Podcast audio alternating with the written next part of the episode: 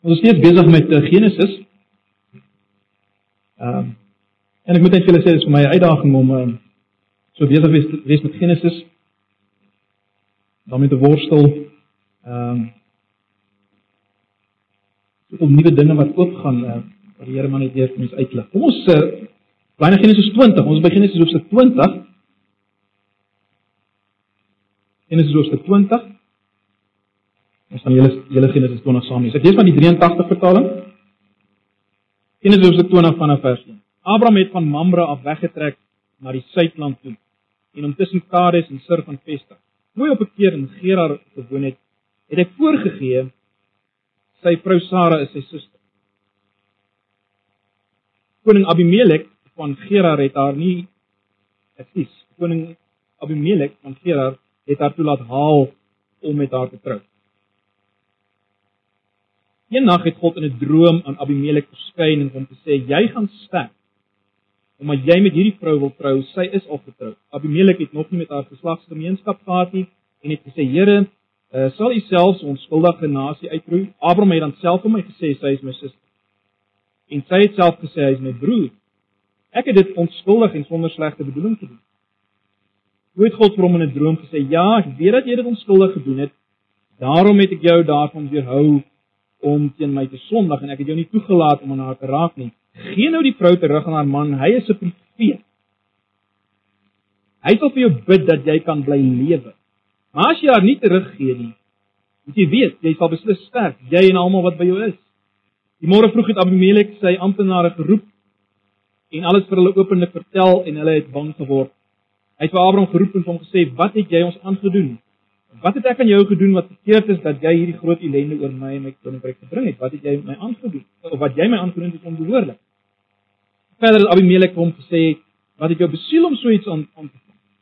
Toe het Abraham gesê, "Ek het gedink hier is niemand wat vir God uh dien nie en die mense sal my doodmaak vir my vrou. Sy is regtig my suster, sy is my pa se dogter, maar nie my ma se nie. Ek is met haar getroud. Toe God my uit my vaderland weggetrek laat wegtrek het, het ek vir haar gesê, jy kan wys dat jy my liefhet deur op elke plek waar ons kom om my te sê hy is my broer.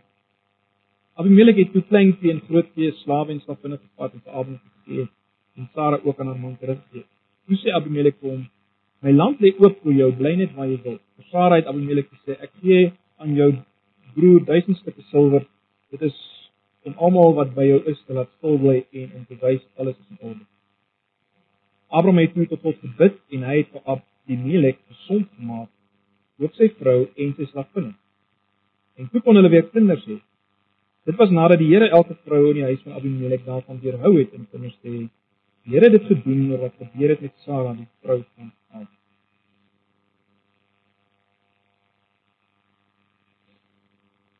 Nou, broers en susters, ek wil vanoggend soos eh, soos verlede Sondag weer 'n stelling maak. En hier is die stelling. Ek en jy dink bewuslik of onbewuslik dat God afhanklik is van ons geloof en ons moraliteit om deur ons te werk. Ek en jy dink bewuslik of onbewuslik God is afhanklik van ons geloof en ons morele lewe, die standaard van ons morele morele lewe om deur ons te werk. Of as jy dit anders wil stel, ons dink dat as ons geestelike eh, geestelike lewens nie reg is nie. In ander woorde, as ons nie op 'n sekere standaard is wat ons geloof betref, op 'n sekere standaard is wat ons morele lewe betref nie, wel dan kan ons nie eintlik uitreik nie, dan kan ons nie eintlik getuig en vir julle werk en bid nie want uh, dit dit sal nie help nie. Want ons is nie reg nie. En broers en susters, ek dink baie van ons is beïnvloed deur deur baie leringe wat rondgaan wat op hierdie trant is, né? Nee. En die en die gevolg natuurlik, die praktiese gevolge wat in ons lewe is dikwels dat uh dat ons hoegenaamd nie bid of uitreik. Want ons is nog nie reg nie. En ons voel nooit ons is reg. Ons kom nooit by daai punt nie. En daarom reik ons nie uit nie, ons bid nie eers nie, want ag, ek ek moet eers self regkom. Dis nog nie die regte plek. Nou, broers en susters, ek wil hê ons vanoggend kyk na na Genesis 20. En hierdie interessante gedeelte uh oor Abraham, Abimelek en Sara, uh en ek vertrou dat die Heilige Gees deur dit vir ons gaan wys dat die denke wat ek nou uitgelig het, dat dit dit nie waar en ek vertrou dat die Here dit wel reg sal sê. Gaan ons kyk na hierdie gedeelte. Ek wil maar weer herhaal wat ek verlede Sondag ook gesê het. Ja, verseker, uh ons kan dan kyk, nie net omdat ons besig is met geen ons moet nou maar die volgende gedeelte hanteer nie. Nee, maar ook ek herinner julle aan Romeine 15 uh vers 4 wat sê alles wat vooraf in die skrif opgeteken is, is tog opgeteken om ons te leer sodat ons deur die standvastigheid en bemoediging wat die skrif ons gee, vol hoop kan wees. Dis hom op te doen. Ons wat nou leef na die koms van Jesus.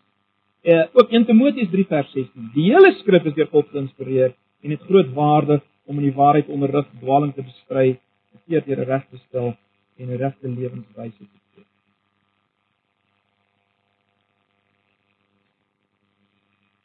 Voordat ons gaan insak op vandag se gedeelte, kom ons herinner ons net aan wat ons verlede Sondag gesien het. Wat het ons geleer uit Sodom en Gomorra? Wel, julle sal onthou ons het gesien in die gedeelte oor Sodom en Gomorra dat die God uh, op wie die wêreld as te ware sy rug gedraai het. Nie net miskien dit is 3 nie, maar ook later weer. Ons het gesien dat hierdie God weet wat aangaan in die wêreld. Wonderlik was daaroor, né? Ons gesien in die gedeelte oor Sodom en Gomorra, God weet wat gaan aan in hierdie wêreld. Hy's bewus wat aangaan. Hy tree in in die wêreld en hy tree op in hierdie wêreld. En let wel, hy tree op in 'n wêreld wat volgens Jesus in, in Lukas 17 nie dink dat hy optree in hierdie wêreld. Hy dink alles gaan maar net aan soos altyd.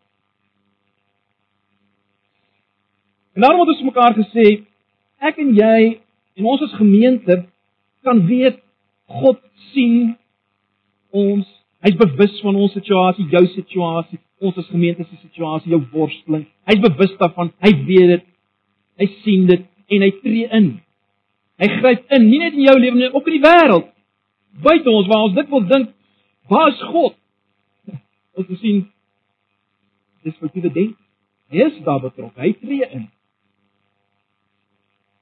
En wat ons as kinders van die Here werklike diep vreugde gee, sal julle onthou, is juis om te besef dat dat ons beleef sy guns en sy goedheid en sy getrouheid te midde van die feit dat hy 'n God is wat oordeel. En dit gee vir ons jy daardie ongelooflike tinteling van vreugde as ons sy heerlike goedheid beleef te midde van die wat ek so kan stel die storm van sy oordeel daarbey beleef in sy gebied. Maar baie belangrik. Uh ons gesien God is betrokke by sy mense alleenlik op grond van sy verbondsbelofte. Nou julle, dit is dit is dit is waar ons saartjie ook nog gaan praat by die by die meisies, né? Nee, die feit dat God dink aan sy verbond. Dit word gesien in Genesis 19 vers 16. God het gedink aan Abraham en as gevolg daarvan het hy opgetree. Dit is baie belangrik. Hy gebruik Abraham die verbondshoof en sy gebed in hierdie wêreld net soos hy nou Jesus hoof van die nuwe verbond en sy gebed gebruik in ons lewens. Hy is maar net weer Johannes 17 en net soos hy uiteindelik weer vir ons en ons gebede gebruik. Dis hoe hy werk. Maar goed, dis waarna ons gekyk het verlede Sondag. Kom ons is sak nou uh in op hierdie gedeelte. Nou, broers en susters, ek dink weer eens bewuslik of onbewuslik is ons siening van Abraham omdat ons in die Nuwe Testament lees dat hy die die vader van die gelowiges genoem word. Onbewuslik dink ons dat hy en miskien in 'n mindere mate Sara dat hulle soort van geloofshelde op 'n geweldige hoë vlak was. Dat ons ons ons het die idee hulle het 'n byna volmaakte verhouding gehad met die Here en uh soort hulle was soort van sondeloos. En daarom 'n gedeelte soos Genesis 20 en ook uh, Genesis 12 uh, vang ons dit wel bietjie ontkant, is dit nie? Vang ons dit wel bietjie ontkant. As ons as ons sien maar Abraham praat nie heeltemal die waarheid. Nee. Gedeelte soos Genesis 20 vang ons ontkant. En wat ons dan gewoonlik onmiddellik doen, ons probeer Abraham en Sara verdedig, né? Ons probeer hulle verdedig deur te sê ja, maar kyk ons almal sou maar eintlik so opgetree het. Of ons sê uh ja, maar dit was daarom nie heeltemal alleen gewees nie. Dit was dan so 'n soort van halwe waarheid. Ek dink ons mis die punt is ons dit. Of dat ek dit so stel, ek dink ons ons ontneem hierdie gedeelte van sy krag as ons dit. Ons ontneem hierdie gedeelte van sy krag, ons trek die gedeelte se tande. Kyk, uh, as ons kyk na hierdie gedeelte, dit dit is dit is natuurlik die tweede keer dat dat uh, dat Abraham nie die waarheid praat oor Sara nie, né? Dit is al weet in in in Hoofstuk 12 doen hy dieselfde. En daar en hier is dit duidelik dat hy dit in 'n sekere sin doen in klein geloof vir God se belofte. Kyk ons weet dat as uh, Abimelek vir Sara gevat het, dan was alles daarmee heen. Al die belofte. So Abraham tree op. Maar dis in 'n sin in klein geloof. Ons kan nie dit anders stel nie. Dis in 'n sin in klein geloof, ongeloof, terloops, broers en susters, alle sonde. alle sonde, as jy mooi daaroor genadink, is as gevolg van ongeloof in God en sy belofte. Enig. Of jy nou steel of jy oreer, dis ongeloof.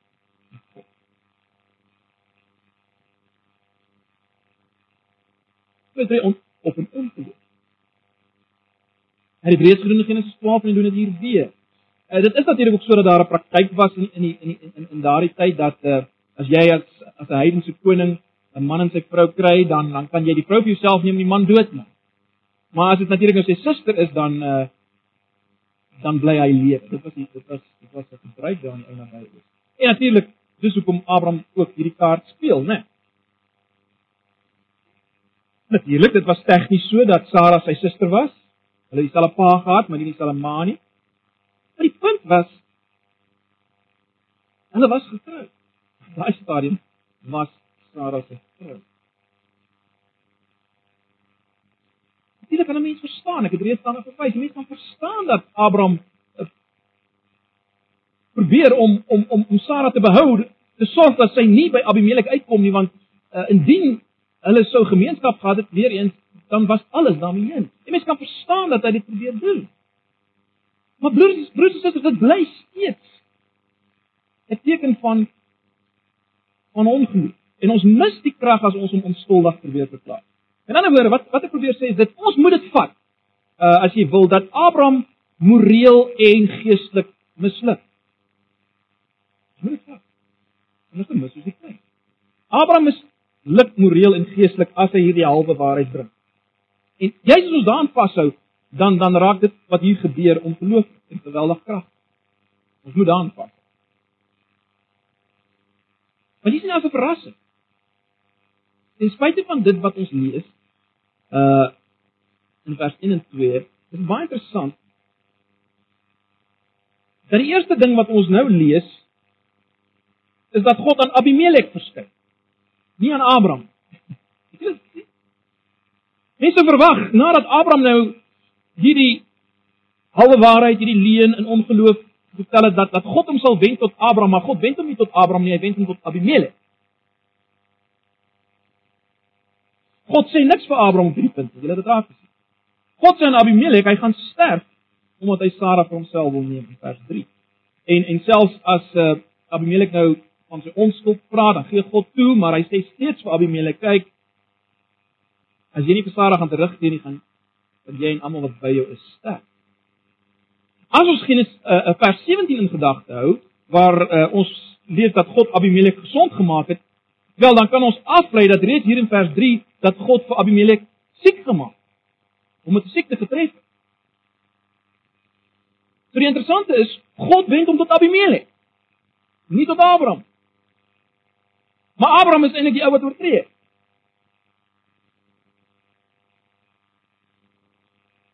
So wat is God se siening van Abraham?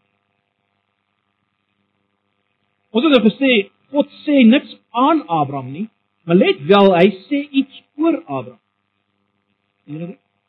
Hy sê niks aan Abraham of vir Abraham, maar hy sê iets oor Abraham. Het jy gesien wat sê hy vir Abimelek oor Abraham? Hy sê hy's 'n profeet. Hy's 'n profeet. Nou, dis die eerste keer in die Bybel wat die term profeet gebruik word. Die profete aan broers en susters sou eers 450 jaar later intree. Hey. En en en, en die priester aan, wens ek.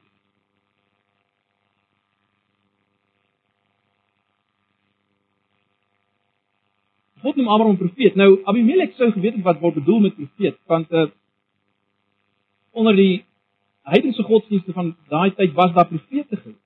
So Abimelek, as God sê hy's 'n profeet, sou hy ten minste verstaan het wat is 'n profeet. Uh in kort, dit was die ouens wat namens God gepraat het. Uh soos ons ook weet later van die Bybelse profete, né? En wat Abimelek sou verstaan het, is dat dit 'n absolute bevoordeelde posisie ongelooflike bevoordeling. As jy profeet is, praat jy namens namens die God of die gode. Uh, dis 'n ongelooflike bevoordeelde en hoë posisie. So van hierdie man, dieselfde man wat nou net in klein geloof 'n leuen vertel het, sê God, hy's 'n profeet. God sê hy's 'n profeet.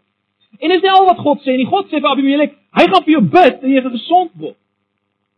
Nou, gewoonlik het die die weer eens onder die heidense godsdienste die priesters het dit gedoen, né? Die priesters het die het gebed hanteer. Nou kom God en hy sê Abraham sal so priesterlik optree en daar sal krag wees in sy gebed, hy sal gesond word.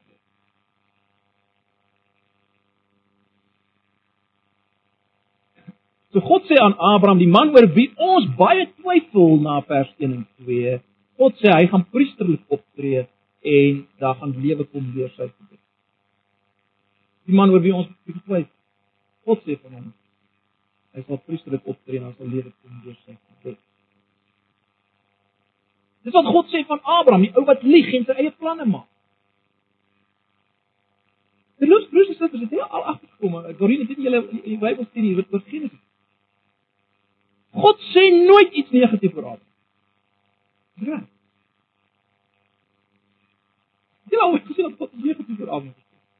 Nee. Hy sê wel iets negatief oor Moses. En dit is baie interessant. Dit is baie interessant, baie betekenisvol. En dit bring my by 'n vers wat ek graag wil hê julle moet na blaai. Genesis 26.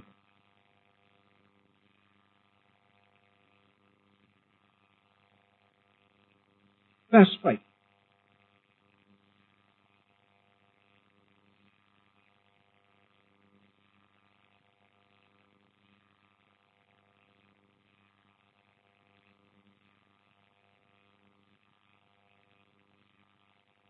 Hier sê God die volgende van Abraham: "Want Abraham het na my geluister en hy was gehoorsaam aan my bevel, my gebooie, my voorskrifte en my wette."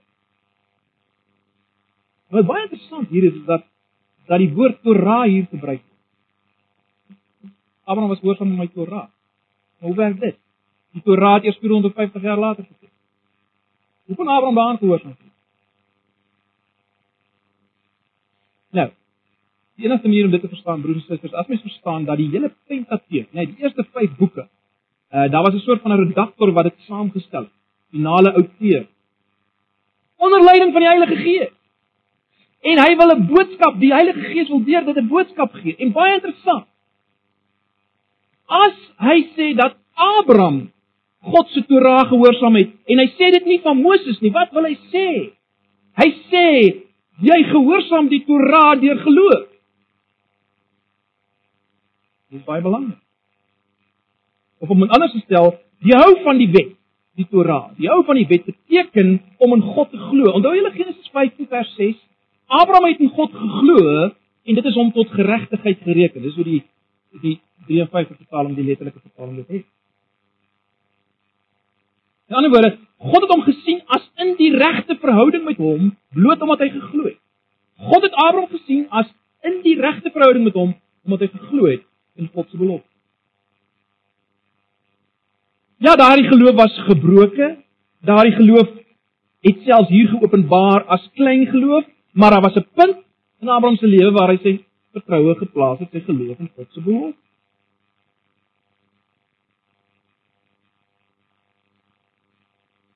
So die skrywer van die Pentateeg, die eerste 5 boeke wil hierdeur sê lewe 'n lewe van geloof soos Abraham, al is dit hoe gebroke en van jou kan gesê word dat jy die wet onderhou.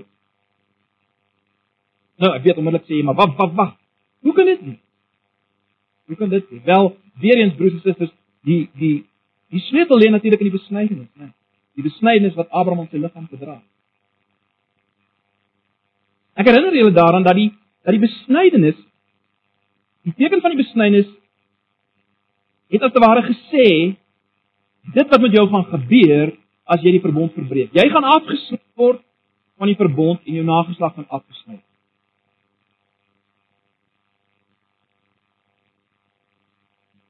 Hoe kon Abraham bly lewe? Wel, waarin het Abraham geglo? Toe God hom gereken het as in die regte verhouding met hom. Onthou julle? Waarin het hy het hy geglo? Wel onder andere in die belofte dat in sy saad al die nasies geseën sal word. Dit was deel van wat Abraham geglo het. En wie was hierdie saad? Wie was hierdie saad? Luister mooi na Galasiërs 3 vers 16 weer. Hulle kan maar daai in blaai as hulle wil. Galasiërs 3 vers 16. Belangrik.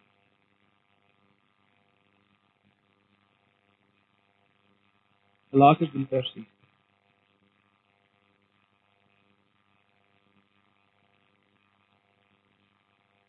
God het sy beloftes aan Abraham en aan sy nakomeling gegee.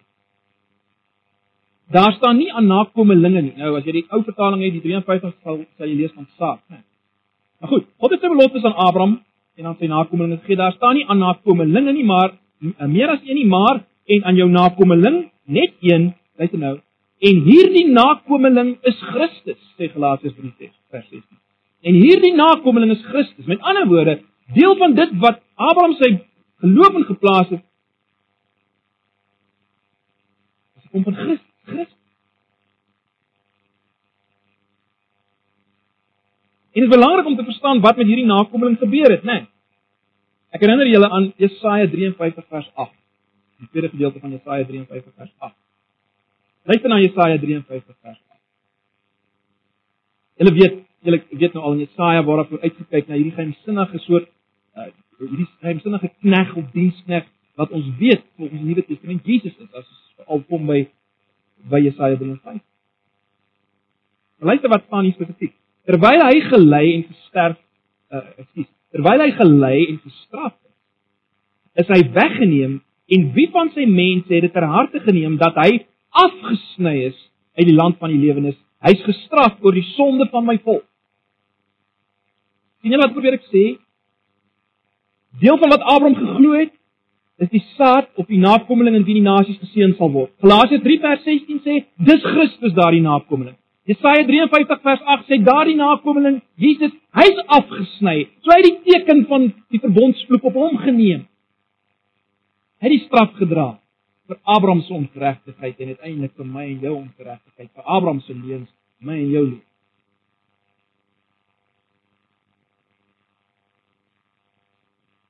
Abraham het voor God gestaan as in die regte verhouding met God.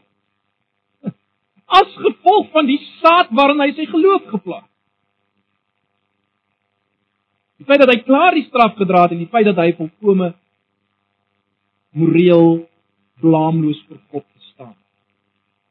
Dis die enigste rede broers en susters.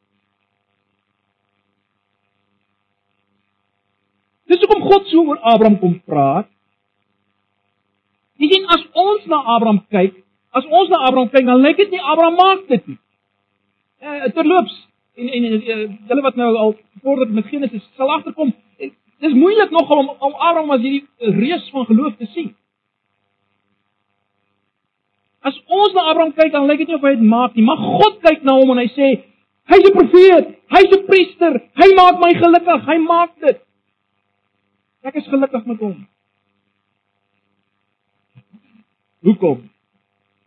Wel, as gevolg van dit waarvoor die besnydenis gestaan het, né? Belangrik broers en susters dat ons dit verstaan. So, as ons kyk na gedeeltes soos hierdie, broers en susters, dan moet ons nie verval in pogings om uh Abraham en Sara te probeer regverdig aan die een kant nie. Ons moet ook nie aan die ander kant probeer sê ag, dit maak nie eintlik saak uh, of ons leuns vertel of so. Dan moet ons die Waaroor dit hier gaan en wat ons moet raak sien is dit: God bly getrou aan sy verbond. Die verbond word hier bedreig deur Abimelek. As Sara een nag saam met Abimelek deurgebring het, was alles daarmee. Dit was 'n God se verbond daarmee heen. Maar God hou sy verbondsbeloftes ten spyte van Abraham. En hy gryp in. En baie belangrik nou, in Abraham en wat hier gebeur, kry ons nou 'n prentjie van hoe God die nasie seën en gaan seën deur Abraham se saad. Jesus en natuurlik die wat aan hom behoort, sy liggaam wat ons is. Die kerk van Jesus Christus. Sê weer, in Abraham kry ons alreeds 'n prentjie hoe God die nasies wil seën deur Jesus en wat weer aan hom behoort. Ons is saam as te ware die die uiteindelike saad en nageslag van Abraham. Om dit anders te stel, broers en susters, die enigste rede waarom God vir Abimelek en sy mense kon seën was as gevolg van die saad. Abraham se nageslag, nie. Dis nie enige rede. Hy kon nie op grond van enige ander rede vir Abimelek seën. Maar hy gebruik Abraham hier in die proses as instrument tot seëning vir Abimelek en sy mense. Abimelek en sy mense verteenwoordig as jy wil die wêreld, die heidendom hier. Hy gebruik Abraham as instrument net soos hy later Jesus en sy liggaam ons gebruik as instrument om te seën, die nasies te seën, genesing te bring. Dit wat ons kry in vers 17 verder van Genesis 20.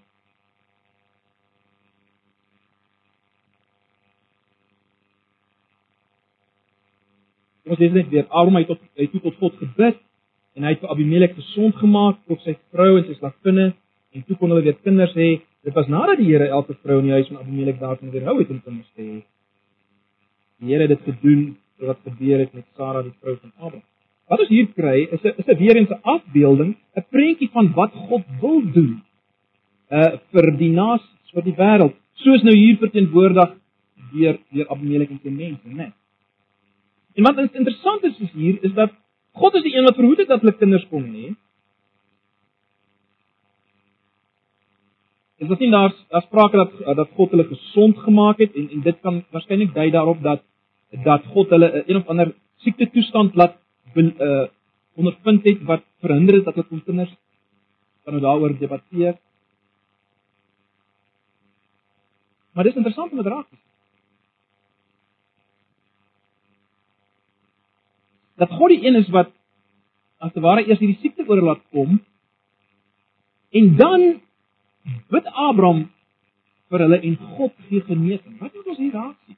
Wel, broers en susters, ek dink ons moet dit sien. Ons moet raak sien dat God sy seëning aan die nasies openbaar via siekte en ellende. Dit was 'n geweldige ding te loops om om nie te kan kinders na uit uit nie, soos vandag nog is. Daai is miskien nog nie. Maar wat ons moet raak sien is dat God as te ware uh hierdie siekte wat hy oor die mense bring inskakel by sy plan om hulle uiteindelik te seën, om hulle iets te laat beleef van wie hy is en wat hy kan doen. Sy genesende krag. So hy skakel hierdie ellende as te ware as jy wil daarbey in. Dit is geweldig belangrik. As jy wil, hy hy hy, hy maak via hierdie dinge duidelik wie hy is. Hulle ontvang via hierdie ellende van siekte, ontvang hulle die seëning wat God bring deur die gebed van. Belangrik met dit.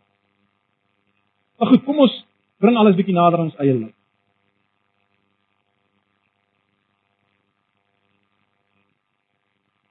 Ek vertrou dat ons raak gesien het dat die stelling aan die begin foutief is, né? God is nie afhanklik van my en jou geloof en moraliteit om te werk in hierdie wêreld. Maar mens sê dit nie dat dit nie van belangrik is. Hy is afhanklik daar. Dit werk in hierdie wêreld. Ons moet dit vashou, broers en susters. Kom ek stel dit so. Om dit anders te stel. God kyk anders na ons. Ek en praat as ek praat van ons, praat ek van kinders van die Here, net mense wat hulle self gewerp het op Jesus. Maar steeds worstel met baie gebrokenheid. Luister mooi. God kyk anders na ons as wat ons dikwels na onsself kyk en as wat ander mense dikwels na ons kyk. God kyk anders na ons. God sien ons by wyse van spreuke as profete en priesters. Dis hoe God ons sien. God sien ons as wetsgehoorsame as ons in Christus ingeveeg het. Dis hoe hy ons sien. Want broers en susters, as jy ons nie so sien het ons nie 'n kans om 1 minuut te oorleef nie.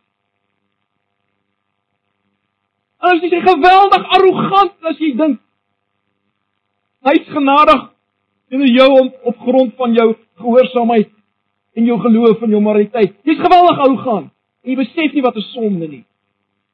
Jy sal nie 'n minuut oorleef nie. En as dit is, hy kyk anders. Dis moet dit hoor. En hy tree op in die lig van sy anders na jou kyk. Ons moet dit vat. Ons is geliefd vir hom. Ons is bemind vir hom. Hy sê niks negatiefs oor ons. Want as hy iets negatiefs oor ons sê, dan beteken dit hy sê iets negatiefs oor sy seun. En die werk van sy seun. Was so daaraan gedink. As God iets negatiefs oor jou moet sê, dan beteken dit hy sê iets negatiefs oor sy seun. Want hy sien ons aan in sy seun. Glo dit. Leef ons in die lig uit. Dit is wat jy ja. Dit is goed om waar te wees. Maar dit is te goed om waar. Geweldig. Ons is oortuig daarvan dat ons aanneemlik is vir God op grond van Christus. Ons sê dit maklik, né, nee, so teoreties. Teologies. Maar glo ek dit in praktyk? Glo ek dit as ek daar op my knie is? Ag broers en susters, ek is oortuig dat as ons onsself kan sien soos God ons sien en kan optree in die lig van hoe God ons sien, dan sal daar geweldige verandering in ons lewens wees, prakties wat heiligheid betref. En wat toewyding betref. En wat bruikbaarheid as ons osself sien en optree in die lig van die God ons sien. Kyk. Is dit nie so dat dat ons die beeld van onsself, ons identiteit, kry ons dikwels van van hoe ons ouers oor ons dink het. En dit was nie altyd 'n mooi identiteit nie, né? Ons weet, baie van ons sit aan worstel aan hoe jou pa jou gesien het, hoe jou ma jou gesien het, jou hanteer. En ons sit met daai identiteit van onsself of hoe hoe jou portuïergroep groep jou sien, ander mense jou sien. Jy sit daar. Meer nog. Ons meet ons aan ander mense. Om ons eie waarde te bepaal en hoe ons oor onsself dink, dan meet ons ons. Dis ek is. Ek is soos daai ou nie so. Maak dit. En nog erg.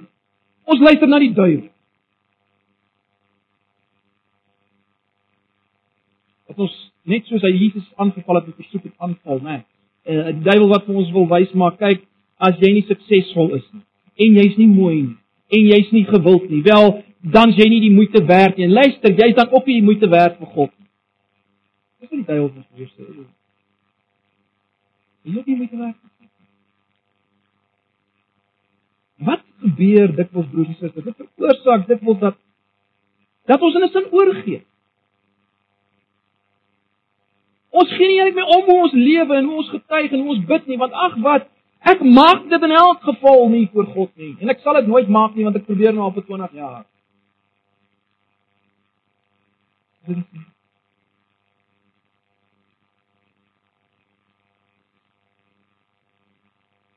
So broers en susters, wat ek en jy vanoggend moet hoor. Luister mooi, dit is nie wat ons moet hoor is nie dat ons geloof en moraliteit nie saak maak. Dis nie wat ek sê nie. Maar ons fokus moet verskuif. Ons moet ons vingers afhaal van ons eie pols as uh, by wyse van spreek en ons moet kyk na Jesus, die saad se prestasie in ons plek as hy wil. Dis waar ons fokus moet. Dis hoekom God my gebruik. Dis hoekom God te behaan het. En dit sal prakties 'n effek hê op op my gedag. Dit sal 'n effek op my geloof hê. Sien? Dis die wonder. Eh, dit loop net 'n opmerking oor geloof. Ons het nog gepraat oor Abraham se geloof. Uh Abraham het God geglo en dit is tot geregtigheid gereken. Maar ons het nou gesien dat uh uh sy geloof was dikwels wankelend. Sy geloof was dikwels klein as jy dit so kan stel. En broers en susters, dis so belangrik dat ons dit sal verstaan. Wat my en jou red. Dit is mooi. Is nie die krag van ons geloof. Hoor jy? Wat jou red is nie die krag van jou geloof. Wat jou red is die voorwerp van jou geloof. Jy moet dit verstaan. Kom gebruik net weer die beeld van 'n ou wat besig is om te drink. Jy het dit al gebruik. Ou wat besig is om te drink. En dan kom 'n lewensredder. En die lewensredder sê vir hom: "Slaan jou arms net om." Slaan jou arms om die lewe. Hy arms kan swak wees. Een arm kan al half gebreek het. Of seer gekry. Of dit hy al dit afgebreek. Bewer. So, wat red jou? Jou arms wat jou red. Jou goeie arms, jou gesonde arms wat jou red. Nee. Dis hy lewensredder wat jou red. En presies as ons net soos dit geloof. Ons geloof kan baie keer wankelend wees. Dit kan getuister word deur twyfel. Die belangrike ding is hou dit vas, hoe wankelend, hoe twyfelend ook al aan jy. Die lewe. En jy sien God het Abraham hanteer op grond van die een waarna hy geloof het. Al is al was dit twyfel, was dit wankel. En God het hom hanteer in lig daarvan. En broers en susters, dit het daartoe gelei. God se optrede teenoor Abraham, ten spyte van hoe hy gevaar het, het, het natuurlik daartoe gelei dat daar groei was by Abraham uh, en uiteindelik as ons kom by Moria in Genesis 22 uh, dan is dit 'n ander Abraham ook al. Maar dit is belangrik dat ons fokus sal reg. Ag en ons het ons dra nie die besnydenis in ons liggaam nie. Maar as jy twyfel, dink weer aan jou dood. Wat jy daarmee gesê het, dat jy gesterf het, jou ou mens het gesterf en 'n nuwe mens opgestaan saam met Jesus Christus en dis hoe God na my kyk en my sien. En dis hoekom hy my kan gebruik. Dink daaraan, hou daaraan vas. Leef in die lig daarvan. Net baie kort is nog twee dinge. Wat ons hier moet raak sien is dit. God wil genesing bring vir die nasies, vir die heidene. En hy wil ons gebruik as gebrokenes, né? Nee. God bly getrou aan sy verbondsbelofte. Deel daarvan was in jou sal die nasies geseën word. In jou saad sal die nasies geseën word. God bly getrou dan. En ek het nou reeds gesê as uh as die Bybel die woord saad gebruik, Galasiërs maak nou duidelik die saad nakoming is Christus, maar dit is interessant, dis 'n kollektief kollektiewe naamwoord. Dis die saad Christus en die wat aan hom behoort, naamlik ons. Ons is sy liggaam in die wêreld. Nee, ons is Jesus in die wêreld as liggaam. En God wil ons gebruik te midde van ons gebrokenheid om sy verbondsbeloftes waar te maak. Hy hoef nie, maar hy kies om dit te doen, om ons in te skakel om te gebruik en dit is 'n geweldige genade, is dit? So hou daan vas. En dan in die laaste plek Hy gebruik siekte en lyding en gebrokenheid om te seën in hierdie wêreld. Ek wil nou baie tyd daaraan spandeer nie as ons kom by Josef sal ons meer daaroor maak, maar maar dit is nog belangrik om net raak te sien dat ek en jy moenie dink as daar siekte is, lyding, swaarkry dat God nie betrokke daar is. Nee. Dink aan die situasie daar by Abimelek. Daar was 'n stadium gewees toe daai mense nou getref was met 'n siekte.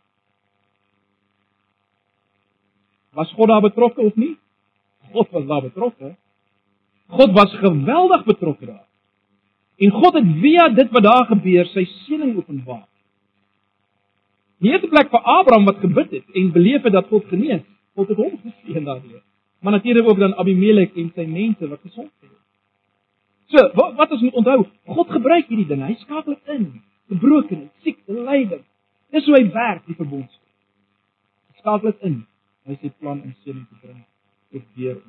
Ag, broers en susters, kom ons hou daaraan vas. Kom ons hou daaraan vas. Nou, as hier vanoggend iemand is uh wat nog nie sy identiteit in Jesus gevind het nie, wat nog nie gevlug het na Christus nie, wat nog spartel en spook om self iets wonderliks te, te wees voor God en voor ander mense. Ag, wil jy nie hoor wat ek sê? Vlug na Christus. Kry jou identiteit in Hom. Dan kan jy ook 'n lewe begin leef wat jy moeite werd. Wat tel? Wat sin maak En dis nie 'n lewe van al meer geld maak en al meer geld maak nie.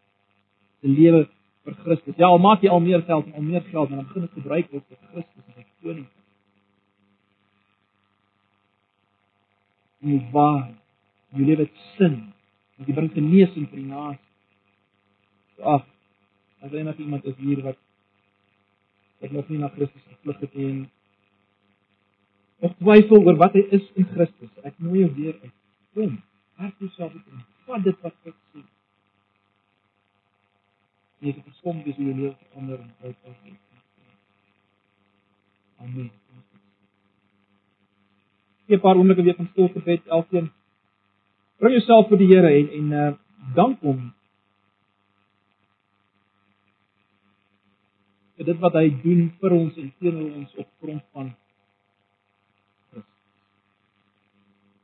Christus. Dit word al